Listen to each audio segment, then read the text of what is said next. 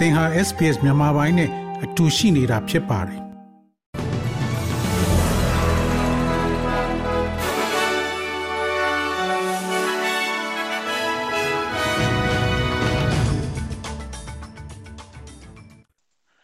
တော်ရရှိများယခုဇူလိုင်လ18ရက်တနင်္လာနေ့အတွက်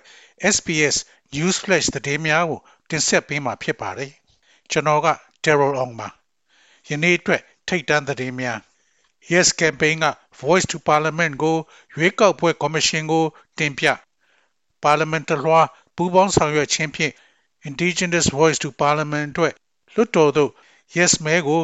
ဆွဲစည်းရုံးခြင်းသည်ပြည်လုံးကျွတ်စန္ဒခံယူပွဲအတွက်လက်ကမ်းစာဆောင်အတွက်စကလုံးအုံလုံးကို ပေးအပ်ခြင်းဖြစ်ပါတယ်။ Voice ကိုထောက်ခံသူများသည့်၎င်းတို့ရဲ့အမှုကို Australia ရွေးကောက်ပွဲကော်မရှင်ထံယနေ့ ဇူလိုင်လ18ရက်နေ့တွင် တင်ပြမှာဖြစ်ပါတယ်။ Voice to Parliament ပြဋ္ဌာန်းချက်ကို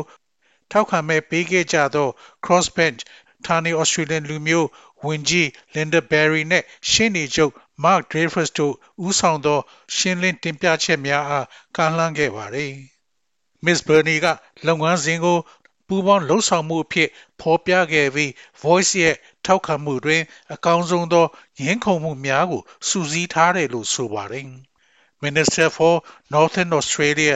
Madeline King ကဒီစာတမ်းကို လူတွေဖတ်ကြလိမ့်မယ်လို့မျှော်လင့်ကြောင်းပြောဆိုပါတယ်။ကျမတို့သည် Independent Member နဲ့ Greens တို့နဲ့လက်တွဲလှုပ်ဆောင်ခဲ့ပြီးဖြစ်သောကြောင့်လက်ကမ်းစာဆောင်ရဲ့ yes အပိုင်းသည်အပြုသဘောဆောင်သောပူပေါင်းဆောင်ရွက်ကြပြီး အားလုံး၏အများစုမှာအမှန်တကယ်အပြုသဘောဆောင်ပြီးအချက်လက်များကို Australian အားလုံးထံပေးပို့ကြောင်းသေချာစေရန်အတွက်ဗုဒ္ဓအဖွဲ့တွင်လှုပ်ဆောင်ခဲ့ပါတယ်။ Labor Party ကို ထောက်ခံမှု Labor Party ကို ထောက်ခံမှုအသစ်က2022ခုနှစ်ရွေးကောက်ပွဲနောက်ပိုင်းအနိုင်ဆုံးဖြစ်ကြောင်းစစ်တမ်းအသစ်တစ်ခုကဖော်ပြတော့လဲ Labor အစိုးရသည် ခိုင်မာသောအနေအထားတွင် ရှိနေဆဲဖြစ်ကြောင်းသဘာဝပတ်ဝန်းကျင်ဝန်ကြီးတန်ညာပီလ်ဘစ်ဆိုင်ကပြောဆိုပါတယ်။ Australian သတင်းစာတွင် ထုတ်ဝေသော News Poll တွင်မဲဆန္ဒရှင်များသည့် Independent နှင့်အသေးစားပါတီများထံ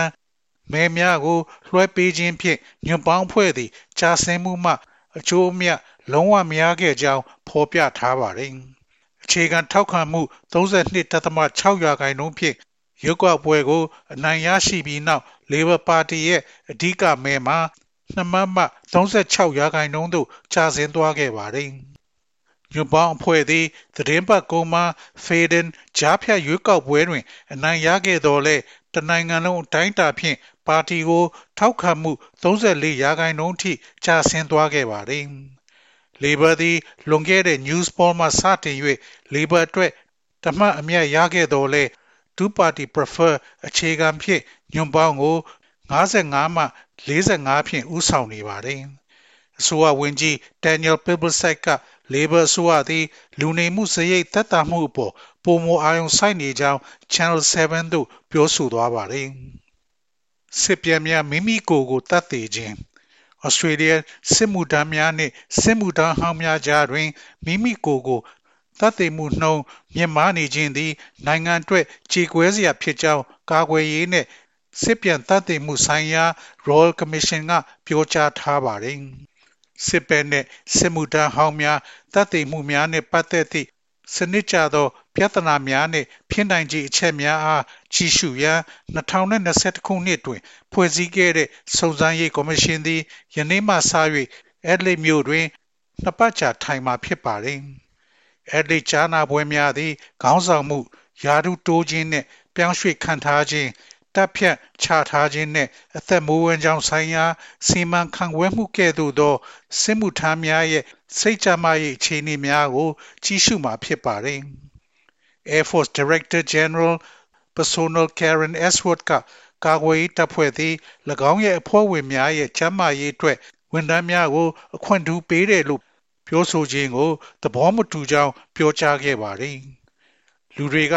ကျမတို့အဖွဲ့အစည်းရဲ့နှလုံးသားတစ်ခုလို့ကျမထင်ပါတယ်။ကျမတို့ရဲ့လူများမပါဘဲကျမတို့ရဲ့အလုပ်ကိုမလုပ်နိုင်သည်ကို ကျမတို့အသိမှတ်ပြုသောကြောင့်ကျမတို့ရဲ့လူများကိုပံ့ပိုးကူညီရန်နဲ့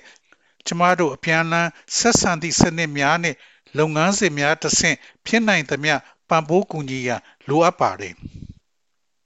မီဒီယာမှာကြားမှဒန်းတူညီမျှမှုကြားမှဒန်းတူညီမျှမှုနဲ့လုပ်ငန်းဆိုင်ရာပံ့ပိုးကူညီမှုအားနည်းခြင်းနဲ့ပတ်သက်လို့မီဒီယာများတွင် အမျိုးသမီးများကစိုးရိမ်ပူပန်နေကြဆဲဖြစ်ကြောင်းအစီရင်ခံစာအသစ်တွင် တွေ့ရှိရပါသည်။မီဒီယာလုပ်ငန်းဆိုင်ရာအမျိုးသမီးများအစီရင်ခံစာတွင် အမျိုးသမီး54ရာခိုင်နှုန်းသည်၎င်းတို့ရဲ့အသက်မွေးဝမ်းကြောင်းလုပ်ငန်းတိုးတက်မှုအတွက်မသေးချာသို့မဟုတ်မကျေနပ်ကြောင်း အကြံပြုထားပါတယ်။2023ခုနှစ်တွင် အမျိုးသမီးများသည်၎င်းတို့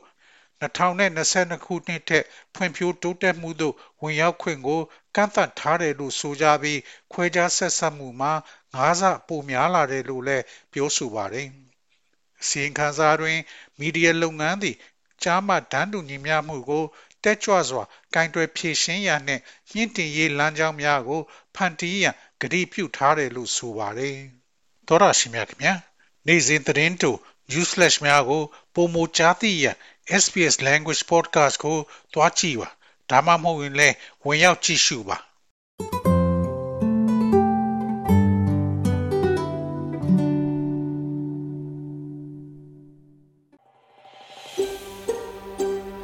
ဒါမျိုးသတင်းဆောင်မာတွေကိုပိုနားဆင်လိုပါလား Apple Podcast Google Podcast Spotify တို့မှာသင်ပင်ရာဖြစ်ဖြစ်ရယူတဲ့ podcast ကနေပါ